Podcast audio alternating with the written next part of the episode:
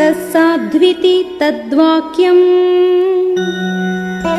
ब्राह्मणाः प्रत्यपूजयन् वसिष्ठप्रमुखाः सर्वे। पार्थिवस्य मुखाच्युतम्।